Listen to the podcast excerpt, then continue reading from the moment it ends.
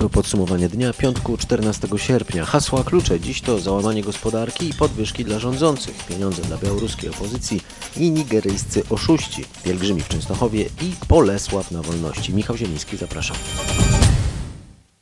Dzisiejszy podcast zaczniemy od danych, które obrazują skalę załamania gospodarki naszego kraju i od entuzjazmu, z jakim parlamentarzyści przyjmują podwyżkę płac dla rządzących, od posłów przez ministrów i wojewodów po prezydenta. Czynią to mimo, że mamy najsilniejszy w historii spadek gospodarczy. W drugim kwartale, czyli w okresie od początku kwietnia do końca czerwca, PKB Polski skurczyło się w porównaniu z zeszłym rokiem aż o 8,2%. To oznacza bardzo głęboką recesję. Krzysztof Brenda o tym, jak się to ma do oczekiwań i do innych krajów zarażonych gospodarczym koronawirusem. Jest lepiej niż można się było spodziewać. Ekonomiści obawiali się, że recesja w Polsce przekroczy 10%, a mamy 8%. Przyzwoicie wyglądamy także porównując się z innymi krajami. Mamy trzeci najmniej bolesny spadek gospodarczy w Europie. Spokojniej było tylko na Litwie i w Danii. My zaliczyliśmy taką recesję jak Szwecja, znacznie łagodniejszą niż takie potęgi jak Wielka Brytania czy Hiszpania, gdzie gospodarka skurczyła się o 20%, niż Francja, gdzie było minus 14, czy Niemcy minus 10%. Oczywiście tego naszego 8% spadku gospodarczego nie wolno bagatelizować bo on odbija się na wielu z nas niższymi pensjami i zwolnieniami. Najmocniej uderzyło to w sektor usług, w bary, restauracje, kawiarnie, kina i zakłady kosmetyczne. Mimo tych potężnych kłopotów w gospodarce, obniżek pensji, niepewności, która dotknęła wielu pracowników, Władza ma dostać znaczące podwyżki. Parlamentarzyści będą mogli liczyć na 4500 zł brutto więcej. Podobną podwyżkę ma dostać prezydent. Wypłatę ma dostać również pierwsza dama, niemal 18 tysięcy złotych brutto miesięcznie. Więcej mają zarabiać marszałkowie Sejmu i Senatu, premier, senatorowie, ministrowie i wojewodowie. Przed głosowaniem pomysł krytykowali tylko nieliczni, m.in. posłowie Konfederacji i Paweł Kukis, relacjonuje nasz reporter Patryk Michalski. Przy Wiejskiej panowała wyjątkowa zgodność. Przedstawiciele PiSu przekonywali, że politycy muszą zarabiać więcej, a opozycyjne kluby to popierały. Wyjątkiem był Paweł Kukis, który mówi o programie Koryto Plus. Sprzeciw wyrazili też posłowie Konfederacji.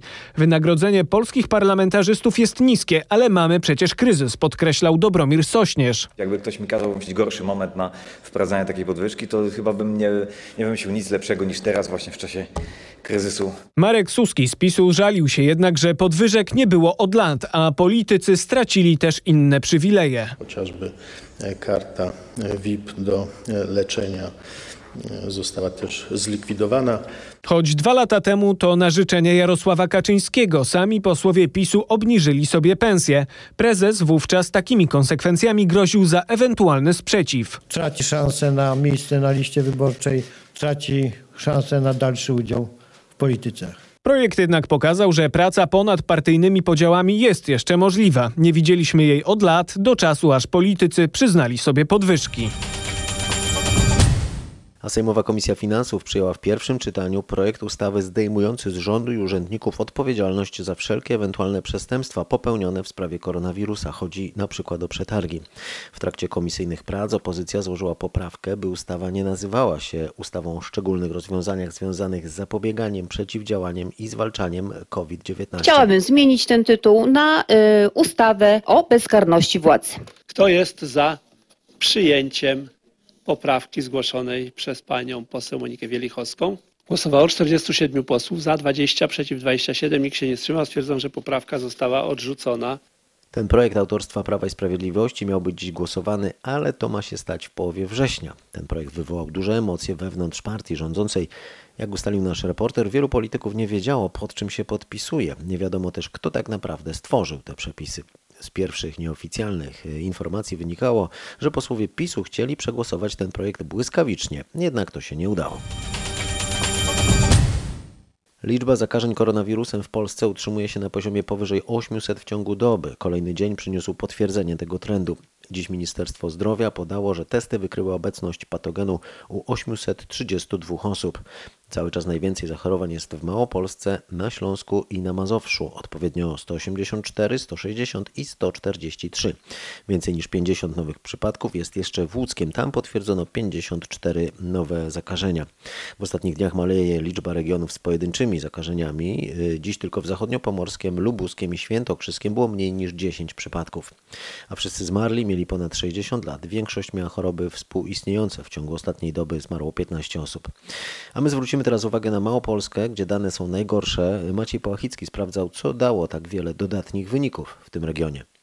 Nowotarski, który od dzisiaj jest strefą żółtą, boryka się przede wszystkim z zakażeniami w dużych zakładach pracy. Badania przesiewowe w jednym z nich dały 24 wyniki pozytywne, ale wciąż nie są znane wyniki kolejnych testów wykonanych wczoraj i przedwczoraj. Przypadki koronawirusa wykryto także w nowotarskim szpitalu i drużynie hokejowej Podhala, która musiała z tego powodu odwołać dwa najbliższe mecze. Szefowa nowotarskiego sanepidu Jolanta Bakalacz mówi, że jeśli mieszkańcy mimo włączenia do strefy żółtej nie zaczną przestrzegać zasad reżimu sanitarnego, to powiat w szybkim tempie może stać się strefą czerwoną. Trzeba zmienić procedury i wzmocnić system, bo na jesieni może czekać nas paraliż systemu zdrowia. Mówią eksperci, brakuje karetek wymazowych, a telefony do sanepidu są przeciążone. Szczegóły ponownie z Małopolski, tym razem Marek Wiosło. W Małopolsce zakażenie koronawirusem wykryto już ponad 5 tysięcy osób, a ponad 12 tysięcy przebywa na kwarantannie. Pacjenci informują o niewydolności systemu, m.in. problemach związanych z możliwością dodzwonienia się do sanepidu czy uzyskaniem konkretnych informacji.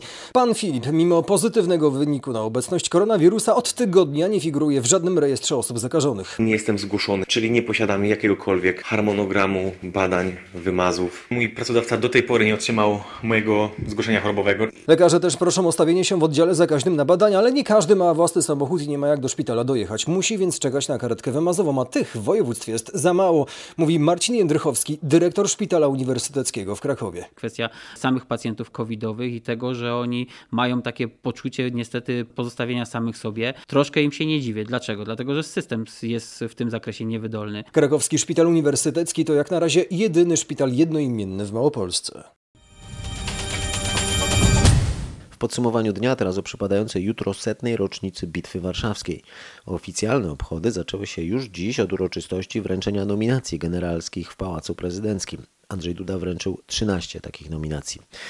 W podcaście Podsumowanie Dnia wrócimy już za kilka minut do tego tematu. Polecam fragmenty rozmowy naszego dziennikarza Pawła Balinowskiego z historykiem i pisarzem Kamilem Janickim.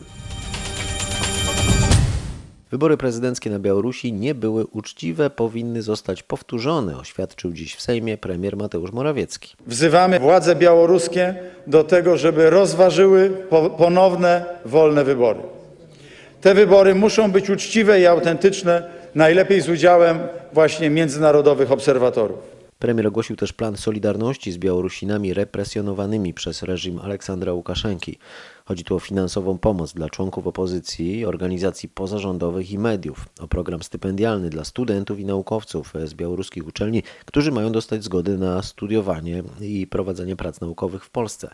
Po trzecie, chodzi o wpuszczanie do naszego kraju nawet bez wizy Białorusinów uznanych za zagrożonych, a pozostali mają zostać zwolnieni z opłat wizowych.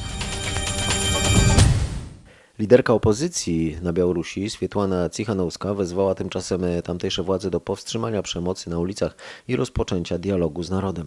Była kandydatka na prezydenta Białorusi, po wyborach zmuszona do opuszczenia kraju, nagrała na Litwie kolejne oświadczenie. Apeluje w nim również o pokojową walkę o wolne wybory. Nasz reporter Krzysztof Zasada y, wysłuchał tego oświadczenia i powie, jak ta walka ma wyglądać. Cichanowska namawia wszystkich niezadowolonych z ogłoszonych wyników wyborów, by składali skargi do Centralnej Komisji Wyborczej, a do prokuratury zawiadomienia o sfałszowaniu głosowania. Zawsze mówiliśmy, że bronić naszego wyboru można tylko prawnymi metodami, a nie przemocą. Wezwała też merów wszystkich białoruskich miast do zorganizowania w nadchodzący weekend masowych, pokojowych demonstracji. Kolejny raz odniosła się też do ogłoszonego wyniku wyborów, w których zdecydowaną większością miał wygrać Łukaszenka. Białorusini nigdy więcej nie zechcą żyć z poprzednią władzą. W jego zwycięstwo większość nie wierzy.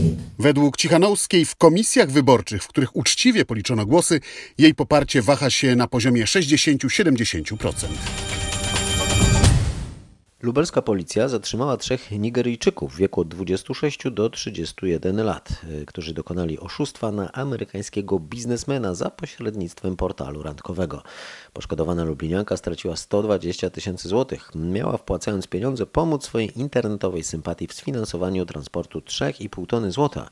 Do zatrzymań doszło w Lublinie, Warszawie i na granicy polsko-niemieckiej. Jeden z nich poprzez portal randkowy nawiązał kontakt z 58-latką. Ta znajomość trwała przez wiele tygodni, aż w końcu pojawiła się prośba. Jest inwestorem, który ma 3,5 tony złota, musi je przewieźć przez granicę i na to potrzebuje dodatkowych środków. Kobieta przelała pierwsze pieniądze, później pojawiły się prośby o kolejne. Wtedy zorientowała się, że została oszukana, mówi komisarz Andrzej Fiołek z lubelskiej policji. Policjanci ustalają, czy zatrzymani nie mają na sumieniu innych tego typu przestępstw, o których głośno było w ostatnich miesiącach. W tym przypadku udało się odzyskać 3 czwarte utraconej kwoty. Ponad 18 tysięcy pielgrzymów spodziewanych jest w sierpniu na Jasnej Górze. To kilka razy mniej niż zazwyczaj, ale z powodu koronawirusa w tym roku w wielu grupach pielgrzymkowych znacznie ograniczono liczbę pątników.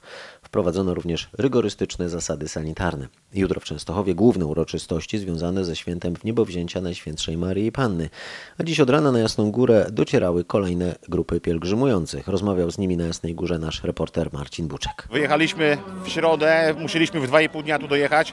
Mieliśmy takie dobre tempo, jechaliśmy mniej więcej pie- przez pierwsze dni około tam 110 km dziennie przejeżdżaliśmy. Na rowerach. Na rowerach, a jesteśmy lajkami, nigdy na rowerach nie jeździliśmy, ale udało się, warto było. Pielgrzymuje się, bo? Bo ma się intencje, bo, bo chce się wyciszyć i zrozumieć, co tak naprawdę jest w życiu ważne. A co jest ważne? E, myślę, że dla mnie najważniejszy jest ten kontakt z Bogiem i z moimi bliskimi. To pielgrzymka to jest ten czas, kiedy e, zostawiamy telefony, a, a skupiamy się na relacjach z ludźmi. Jaka jest rola akordeonisty w czasie pielgrzymki? Akordeonista spełnia ważną rolę, prawie taką samą jak organista w kościele. Dużo trzeba grać? Tak jak w, w ubiegłym roku, przeważnie gramy dwa odcinki, a dwa jest modlitwa. To są pieśni religijne przede wszystkim? Przede wszystkim pieśni religijne. Y, Gdzieś na postoju też mogą być jakieś rozrywkowe. Akordeon pomaga? No bardzo pomaga akordeon, bardzo pomaga gitary, akordeon, bardzo pomagają. Teraz w podsumowaniu dnia wrócimy do wydarzenia sprzed 100 lat. Jutro przypada setna rocznica Bitwy Warszawskiej, polskiego zwycięstwa nad Sowietami, które zyskało miano cudu nad Wisłą. Za chwilę fascynująca rozmowa z historykiem i pisarzem, który był gościem rozmowy w samo południe w RMF FM, a wcześniej jeszcze opinia premiera. Świętowanie rocznicy Bitwy Warszawskiej powinno mieć miejsce nie tylko w Warszawie, nie tylko w Polsce, ale i w całej Europie, napisał na Twitterze szef polskiego rządu. Mateusz Morawiecki argumentuje, że zwycięstwo wojsk polskich nad sowieckimi 100 lat temu w ogromnej mierze dotyczyło wolności narodów Europy. Premier opublikował też artykuł na ten temat w ramach projektu Opowiadamy Polskę światu. Cała seria publikacji o polskiej historii ma się ukazać w gazetach i na portalach nie tylko w Europie, ale również w takich krajach jak Algieria czy Indonezja. A według historyka i pisarza Kamila Janickiego waga triumfu z sierpnia 1920 roku jest niedoceniana również w Polsce. Jak mówi gość Pawła Balinowskiego, to zwycięstwo nie jest obecne w codziennej pamięci historycznej Polaków.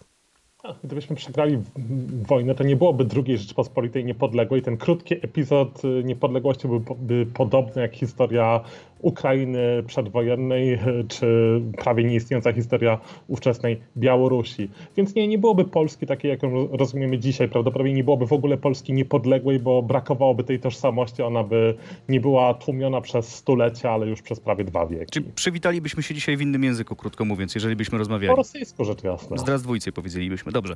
Na pewno cudem generał Rozwadowski albo Józef Piłsudski nie nazwaliby tego, co się wtedy wydarzyło. E, No ale na czym ten ów, e, już przyjmijmy to nazewnictwo, cud polegał? Dlaczego ta bitwa potoczyła się tak, jak się potoczyła? Wbrew pewnemu mitowi, y, Armia Czerwona nie miała wyraźnej przewagi pod samą Warszawą. Miała ogółem przewagę, ponieważ Armia Czerwona wtedy miała 5 milionów żołnierzy, Polska w tym szczytowym momencie około miliona. Natomiast pod Warszawą te siły były równe. Y, Natomiast y, y, Sowieci mieli przewagę w artylerii, mieli przewagę w CKM-ach, y, byli lepiej uzbrojeni i rzeczywiście pewni zwycięstwa. To morale po stronie polskiej było bardzo nadszarpnięte. Cofanie się jednak przez kilka miesięcy sprawiało, że Polacy byli niesamowicie niepewni zwycięstwa. Y, Warszawa też była wzburzona, emocje w mieście nie były wcale tak, y, tak jednolite, jak nam się niekiedy wydaje. Y, Nie było pełnego poparcia dla, dla tej obrony, były jednak duże zaburzenia robotnicze, była działalność komunistyczna jakby piątej kolumny.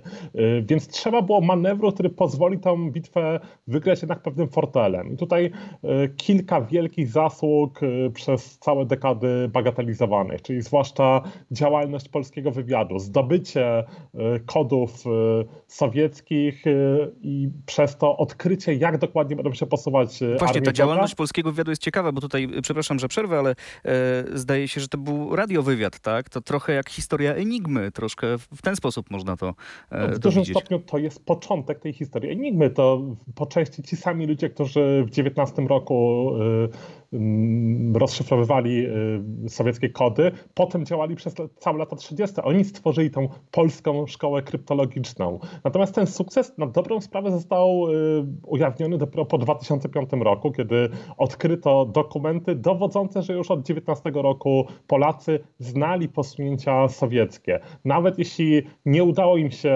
wykryć pierwszego ataku, y, tej kontrofensywy po zajęciu Kijowa, to byli w stanie potem y, ustalać y, główne posunięcia pod Warszawą. To pozwoliło zaplanować kontrofensywę z Nadwieprza i to jest ten najważniejszy punkt y, Bitwy Warszawskiej, bo 13 sierpnia siły sowieckie uderzają na polskich obrońców pod Radzyminem. Jest to bardzo trudna obrona. Tam rzeczywiście Sowieci mają znaczącą przewagę. Są to krwawe walki. Natomiast y, dochodzi do dwóch jakby działań y, zwrotnych polskich. Nad Wkrom y, generał Sikorski jedną kontrofensywę prowadzi, która przynosi ograniczone efekty, ale wiąże siły sowieckie. Natomiast ta walna, decydująca kontrofensywa rusza z Nadwieprza, wychodzi na tyły sowieckie i doprowadza do zupełnego rozbicia sił sowieckich. Tutaj jednak ta y, skala katastrofy sowieckiej jest olbrzymia. Po, po dwóch dniach tej kontrofensywy Piłsudski rusza do Warszawy, zarządza już działania pościgowe, działania, które mają doprowadzić do zupełnego rozbicia y, sił sowieckich i które kończą się właściwie poza nawet granicami późniejszej II Rzeczpospolitej. Czy to zwycięstwo militarne nie okazało się już później m, trochę przegraną polityczną i wizerunkową w Europie? To jest skomplikowane pytanie. Wiele decyzji podejmowano, które dzisiaj mogą się wydawać zaskakujące. Przykładowo dostaliśmy podczas y, późniejszych y, y, negocjacji pokojowych dużo mniejsze terytorium niż mogliśmy wywalczyć. Sowieci byli gotowi oddać Polsce Mińsk, tereny właściwie drugiego zaboru lub nawet nieco większe. Natomiast polska prawica była bardzo sceptyczna wobec takich działań. Tutaj są zachowane pamiętniki czy biorącego udziału w negocjacjach Stanisława Grabskiego, czy innych polityków, którzy wprost mówili, że nie chcieli, aby stosunek Polaków do całej populacji Polski był mniejszy niż 65%, więc zgadzali się na mniejsze korzyści, na mniejsze sukcesy. Więc to jest z jednej strony. Z drugiej strony mocarstwa zachodnie ogółem nie respektowały jakichkolwiek ustaleń bezpośrednio między Polską a y, Związkiem Sowieckim, czy wtedy jeszcze Rosją Sowiecką. De facto dopiero w 1924 roku zaakceptowano nawet samo posiadanie przez Polskę Małopolski Wschodniej, która miała być y, według pierwotnych y, założeń tylko taką kolonią, mandatem na 25 lat. Podsumowaniu dnia teraz czas na piłkę nożną. Jerzy Brzęczek wysłał powołania na wrześniowe mecze kadry. Na razie do zawodników z klubów zagranicznych. Patryk Serwański przejrzał listę tych powołań i powie, czy są zaskoczenia. Dzień dobry. Powołanie dostało czterech bramkarzy, w tym dawno niewidziany na zgrupowaniu Bartłomiej Drągowski, czyli piłkarz Fiorentiny. W gronie obrońców zaskakiwać może Sebastian Walukiewicz. To młody zawodnik, który ostatnio regularnie występował we włoskim Cagliari. No i to jest też z pewnością duży talent, jeśli chodzi o grę na środku defensywy. Poza tym są oczywiście liderzy drużyny, czyli chociażby Glik, Krychowiak oraz Lewandowski. Na liście powołanych 23 nazwiska. We wrześniu zagramy dwa mecze w Lidze Narodów i to będą mecze wyjazdowe z Bośnią i Hercegowiną oraz z Holandią. A wieczorem o 21 mecz Bayernu z Barceloną o półfinał Ligi Mistrzów. Oczy polskich kibiców będą rzecz jasna zwrócone na Roberta Lewandowskiego, który, jak uważa wielu ekspertów, ma najlepszy sezon w swojej karierze.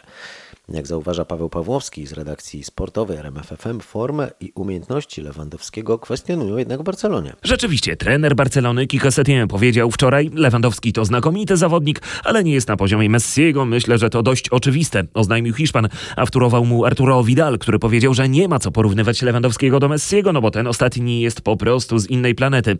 Kosmiczny wynik osiągnął w tym sezonie jednak Lewandowski, który w rozgrywkach klubowych zdobył 53 gole, z tego 34 w Bundeslidze, 6 w Pucharze Niemiec, no i do tej pory 13 w Lidze Mistrzów.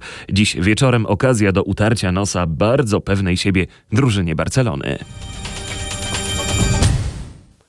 Na dachu łódzkiego Orientarium zakończyły się prace związane z budową zielonego dachu. Ma on powierzchnię kilku boisk piłkarskich i wytrzymać ma każde warunki pogodowe. W orientarium trwają przygotowania do zalania wodą Niecki Oceanicznej i Niecki Rafy Koralowej. W sumie to ponad 2,5 tysiąca metrów sześciennych wody. Zwiedzający mają zobaczyć orientarium za rok. Zielony dach ma kilka zadań. Po pierwsze zatrzymuje wodę w obiegu, po drugie reguluje temperaturę w budynku. Jest też trzeci plus takiego rozwiązania, o czym mówi Arkadiusz Jaksa z Miejskiego Ogrodu Zoologicznego w Łodzi. Zielony dach, od razu wyjaśnię, nie jest w kolorze zielonym, jest po prostu pokryty żywą roślinnością. Jak widzimy, to jest roślinność przede wszystkim takich rodzaje e, rdestów, dlatego że to musi być roślinność wytrzymująca no, jakby skrajne warunki klimatyczne, czyli zimą będzie tu bardzo zimno, będą wiały wiatry. Mimo wszelkich warstw e, zbierających wodę i zatrzymujących wodę, to oczywiście w okresie długotrwałej suszy, no chociażby dzisiaj tu na dachu jest ponad 30 stopni jak nic, ta roślinność musi wytrzymać nawet taką przysuchę. To są rośliny kwitnące. Każdy, tutaj jest wiele, wiele, wiele gatunków rdestu, bo to jest polikulturowa e, mieszanka i one będą kwitły. W tym roku zostały rozwinięte, chociaż widać też e, tutaj już e, za, takie zaczyny kwiatowe i one przez cały rok, różne gatunki będą w różnych okresach zakwitały i to jest naturalna też pożywka przede wszystkim dla dzikich zapylaczy, które będą w stanie dotrzeć na ten dach, posilić się odpowiednim produktem z tych rdestów, czyli bogaca to niejako to środowisko tutaj przyrodnicze. A teraz zoo w Poznaniu. Dwuletni żubr Polesław od dziś będzie mieszkał na wolności. Od tygodni trwały jego badania weterynaryjne i przygotowania do transportu. Syn samca alfa z poznańskiego stada, Dudusia, zamieszka na terenie Drawieńskiego Parku Narodowego. W nowym domu będzie nosił obrożę telemetryczną, która pozwoli śledzić jego każdy krok i dalszy rozwój na wolności. Opiekujący się żubrzym byczkiem przyrodnicy znaleźli już dla niego nową rodzinę, o czym mówią w rozmowie z naszym reporterem Mateuszem Chłystunem Remigiusz Koziński z Poznańskiego Zoo i Marcin Grzegorzek z Zachodniopomorskiego Towarzystwa Przyrodniczego. Bardzo ważne jest, żebyśmy wypuszczając zwierzę na wolność, nie wypuścili razem z tym zwierzęciem jakichś niepożądanych, nie wiem czy zwierząt, czy jakichś jednokomórkowych organizmów, które mogłyby zakazić tę żyjącą dziko populację, więc to wszystko mamy już za sobą, no i mamy nadzieję, że dzisiaj po założeniu obroży telemetrycznej będziemy już mogli cieszyć się szczęściem Polesława, który no, przed nim naprawdę życiowa przygoda jest chyba. Na miejscu po wypuszczeniu rozumiem obserwacja, dokąd będzie wędrował, jak się będzie zachowywał. Będzie miał obrożę założoną telemetryczną, będziemy wiedzieć gdzie jest, co się dzieje i tak dalej, czyli w razie nawet jakichś kłopotów e, jesteśmy w stanie reagować. To są zwierzęta stadne, one od razu są wchłaniane przez stado i w tym stadzie jest taka, tak powiem, jedna wielka rodzina. A skoro mowa o wchłanianiu zwierząt, to na koniec jeszcze o jedzeniu mięsa. Otóż wbrew powszechnemu przekonaniu o mięsnych ucztach dawnych elit, na zamkach i w pałacach wcale nie jadano tak dużo mięsa. Joanna Lamparska, współorganizatorka trwającego od dziś do niedzieli trzeciego Festiwalu Kuchni Historycznej w Zamku Czocha na Dolnym Śląsku, mówi, że dowodem na to są badania archeologiczne. Na średniowiecznych stołach królowały raczej kasze. Kiedy do Polski przyjechały razem z królową Boną ziemniaki, to ziemniaki zaczęły być popularne. Natomiast jeszcze za czasów Elżbiety I cukier, główka cukru była jednym z prezentów dla Elżbiety I, ponieważ cukier był bezcenny. My dzisiaj jesteśmy przyzwyczajeni, że cukrzymy wszystko, ale wtedy cukier był na wagę złota i słodzono przede wszystkim miodem. Oszczędzano na wodzie w średniowieczu, ponieważ woda mogła być zatruta, dlatego na ogół podawano piwo, które było o wiele bardziej higieniczne, nie zawierało tyle zarazków. Tłumaczy Joanna Lamparska. Podczas festiwalu na własnych kubkach smakowych można się przekonać, jak smakuje chociażby zupa cebulowa króla Francji Ludwika XV czy ulubiony deser Leonarda da Vinci. To ostatnie w tym tygodniu podsumowanie dnia. Ja już idę na kolację, zachęcając do słuchania i subskrybowania podcastu Podsumowanie Dnia. Dziękuję za uwagę, pozdrawiam i do usłyszenia.